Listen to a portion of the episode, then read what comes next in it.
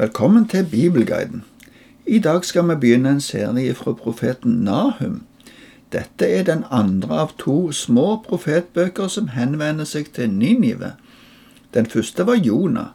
Han fikk kall ifra Gud å forkynne dom i Ninive. Han var fortvila over det oppdraget og prøvde å rømme ifra Gud. Men Gud fikk han tilbake, og til slutt gikk Jonah og forkynte dom over Ninive. Folket i Ninive omvendte seg da Jonah forkynte dom. Derfor lot Gud være å sende dommen over Ninive den gangen. Vi skal ikke si mer om Jonah i denne sammenhengen. Jonah levde i det åttende århundre før Kristus, mens Jeroboam den andre var konge i Israel. Nahum levde minst 100 år seinere og etter at Nordriket Israel var blitt bortført til Asyria. Han er ifra en by som heter Elkosh, men det er ukjent hvor den var. Siden Israel var bortført, er det sannsynlig at dette var en by i sørrike Juda, eller kanskje i Galilea. Men stedet er ukjent ifra andre kilder. Nahum nevner Tebens fall, eller Noammon, som det står i kapittel 3 vers 8. Det tyder på at det er skrevet etter at Teben falt, altså i 663 før Kristus. Nahum forutsetter Ninives fall, og det skjedde i år 612, så en plass imellom der er det sikkert skrevet. Gud hadde brukt Asyria til å dømme Israel for sitt frafall ifra Gud. Men selv om Gud hadde brukt Asyria til dette, fritar det ikke Asyria for sin egen skyld i forholdet til Gud. Nå var det Ninives tur å merke Guds vrede.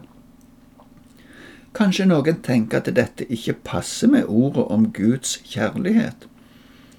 Jesus sa faktisk at vi skulle elske våre fiender, men han sa også at dommen var uunngåelig for de som ikke ville tro.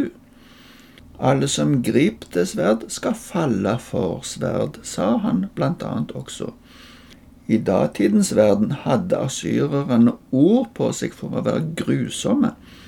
Ninive var ikke bare en by i oldtida som måtte ta imot dommen ifra Gud på grunn av sine gjerninger. Den står også som et eksempel på den dommen ifra Gud som skal komme over alle som driver med ondskap, All domsforkynnelse innebærer et kall om å omvende seg og få frelse ifra den framtidige eller ventende dommen. Navnet Nahum betyr trøst, og selv om budskapet handler mye om dom, er det dommen over Guds folks fiender. Det innebærer trøst for de som blir fridd ifra farene og truslene fra det onde. For Ninives folk ble det denne gangen ingen omvendelse, slik som det var under forkynnelsen fra Jonah. Dessverre er det òg slik mange andre tilfeller at Guds ord ikke blir tatt alvorlig, og derfor blir det ingen anledning til frelse. Slik er det faktisk også med Jesus. Den som tror på Han, blir frelst, men den som ikke vil tro, er allerede dømt fordi han ikke har trodd på Jesus. Slik kan Nahum minne oss om Kristus. Men nå skal vi lese litt ifra Nahum. Først leser vi bare versene 1 og 2. Budskap om Ninive, boken med synene til Nahum fra Elkors. Herren er en nidkjær Gud som tar hevn. Herren tar hevn og er full av harme. Herren tar hevn over motstanderne han holder fast på vreden mot fiendene. Det første ordet her, budskap, kan også oversettes som byrde. Det er kanskje tungt for Nahum å komme med disse vanskelige ordene, og det er kanskje tungt for oss òg å høre eller lese dem. Profetier blir både her og mange andre plasser kalt for syn om det virkelig var noe som han så, eller om det var noe som han fikk på andre måter, at Guds ånd talte til ham, det kan nok variere.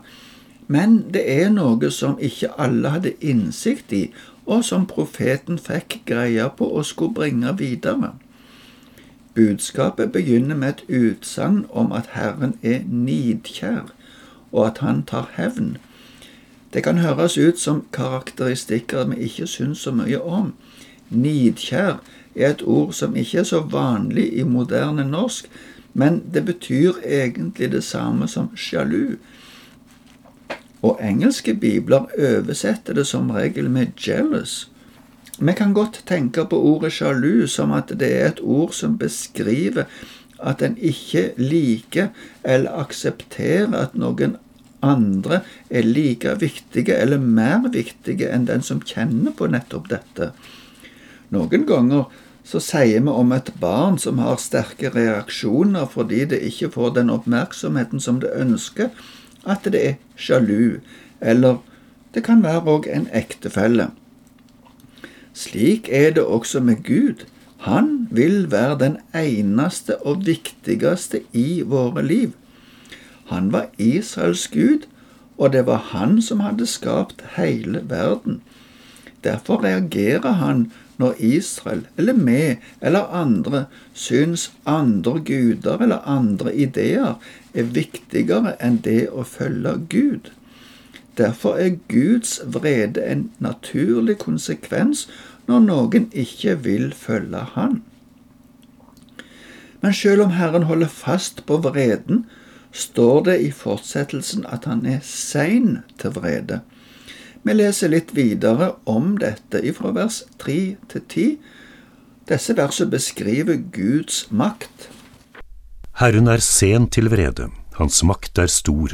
Herren unnlater ikke å straffe, gjennom virvelvind og storm går hans vei, skyer er støvet under hans føtter. Han truer havet og legger det tørt. Alle elver tørker han ut. Nå visner Basan og Karmel, Libanons blomsterprakt visner bort. Fjellene skjelver for ham, høydene smelter, jorden viker bort for hans ansikt, verden og alle som bor der.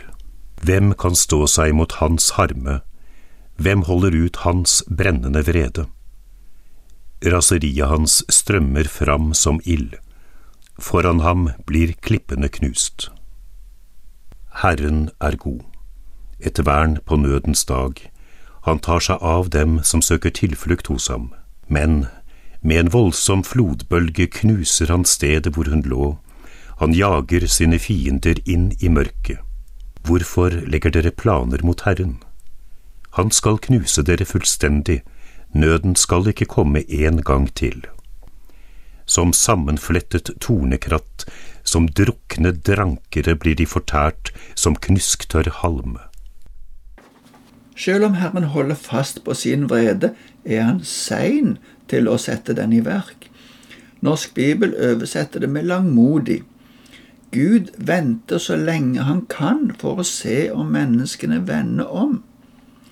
Hele skaperverket er under Guds kontroll, og det kan skje mange forferdelige ting. Men overordna over alt det som blir sagt, står vers sju.